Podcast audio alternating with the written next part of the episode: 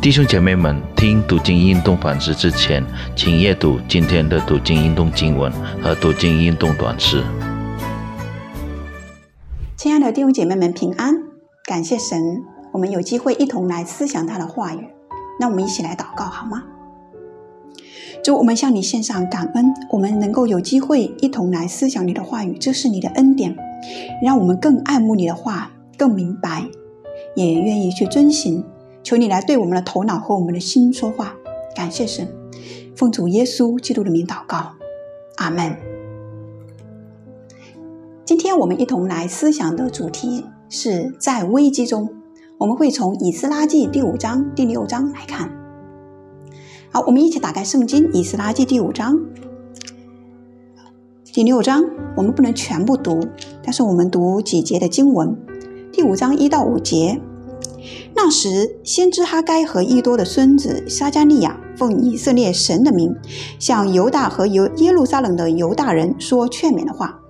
于是，撒拉铁的儿子所罗巴伯和约萨达的儿子耶稣雅都起来动手建造耶路撒冷神的殿，有神的先知在那里帮助他们。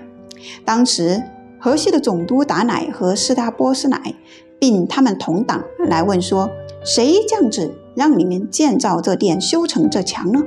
我们便告诉他们，建造这殿的人叫什么名字。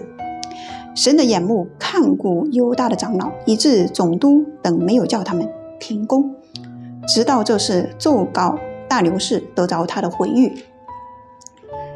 第六章第六到十一节。十二节，这就是得到了大牛士王的回谕啊！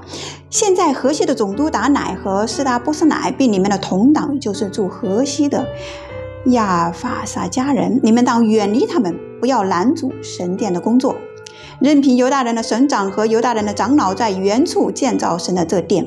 我又降旨。吩咐你们向犹大人的长老为建造神的殿当怎样行，就是从河西的款款项中急速的拨取供银来做他们的经费，免得耽误工作。他们与天上的神献燔祭所需用的公牛犊、公绵羊、绵羊羔，并所用的麦子、盐、酒、油，都要照耶路撒冷祭祀的话，每日供给他们，不得有误。好叫他们献馨香的祭给天上的神，又为王和王众子的寿命祈祷。我再这样子，无论谁更改这命令，必从他房屋中拆出一根梁来，把它举起悬在其上，又使他的房屋成为粪堆。若有王和民伸手更改这命令，拆毁这殿，愿那使耶路撒冷的殿作为他民居所的神将他们灭绝。我大牛士降这之意，当速速遵行。感谢神，神的话读在这里。我们每一个人都会面临危机、压力、逼迫，或多或少，或程度，或浅或深。感谢主，我们还有主可以依靠。特别是在这个疫情的时候，全世界面临着各样的难处，每个国家、每一个家庭、每一个人都面临着艰难。作为基督徒的您跟我，当怎么样来面对呢？当怎样来依靠神呢？让我们今天从刚才所读的啊这一段的经文，从以斯拉记啊第五章、第六章，我们来看神给我们怎样的勉励。感谢主，在这里面我们看到神的百姓也面临着。危机跟压力，当他们从被掳之地回到耶路撒冷，神派先知来激励他们，对他们说勉励的话、激励的话，要他们重新建造神的殿。于是他们起来建造神的殿，他们动工了。可是不久之后，你看，仇敌不甘心，河西的总督跟他们同党就来勘察。他们质问神的百姓：“为什么要建造神的殿？凭什么？是谁命令你们来建造神的殿呢？”那神的百姓面对这样的质疑、这样的压力危机的时候，他们怎么回应呢？圣经没有详细的记记载，只是一笔带过。他们就告诉他们：“可是事实，其实，在这样的压力当中，他们是面临着实在是有忧愁、恐，甚至是恐惧的。第五节，我们看到说，神的眼目看顾犹大的长老，以至于总督等没有叫他们停工。神的眼目看顾他的百姓，看顾他的子民，他所呼召出来的一群他的百姓。感谢神。他们没有停工，是的，很好。那他们后来怎么样得到呃王，特别是外邦人王的大牛士王的命令，可以持续建造呢？那第六章我们可以会看到，真的是看到这些的，我就非常的感动。神可以改变王的心，外邦君王的心，这一点让我非常的呃受鼓舞。那第六章七到十一节就是我们刚才读的啊经文里面，我们看到神改变王的心，王做了四个特别的命令。这四个命令，第一个就是神的殿不不要拦阻他们建造神的殿，这是对河西的总督他们以及他们的同党说的。神的殿的工作不受拦阻，继续建造。第二，以色列人、犹大人，具体来说是犹大人，他们可以继续建造神的殿。他们还有款项、经费，那这些就是从河西的这个收的款项里面就可以得到拨款经费，他们支持他们继续建造，是不是很好？感谢主。还有呢，他们每天要献燔祭、献祭所需要的，他们也可以得到。这个就是供给会会被供给，会得到，而且是不得有误。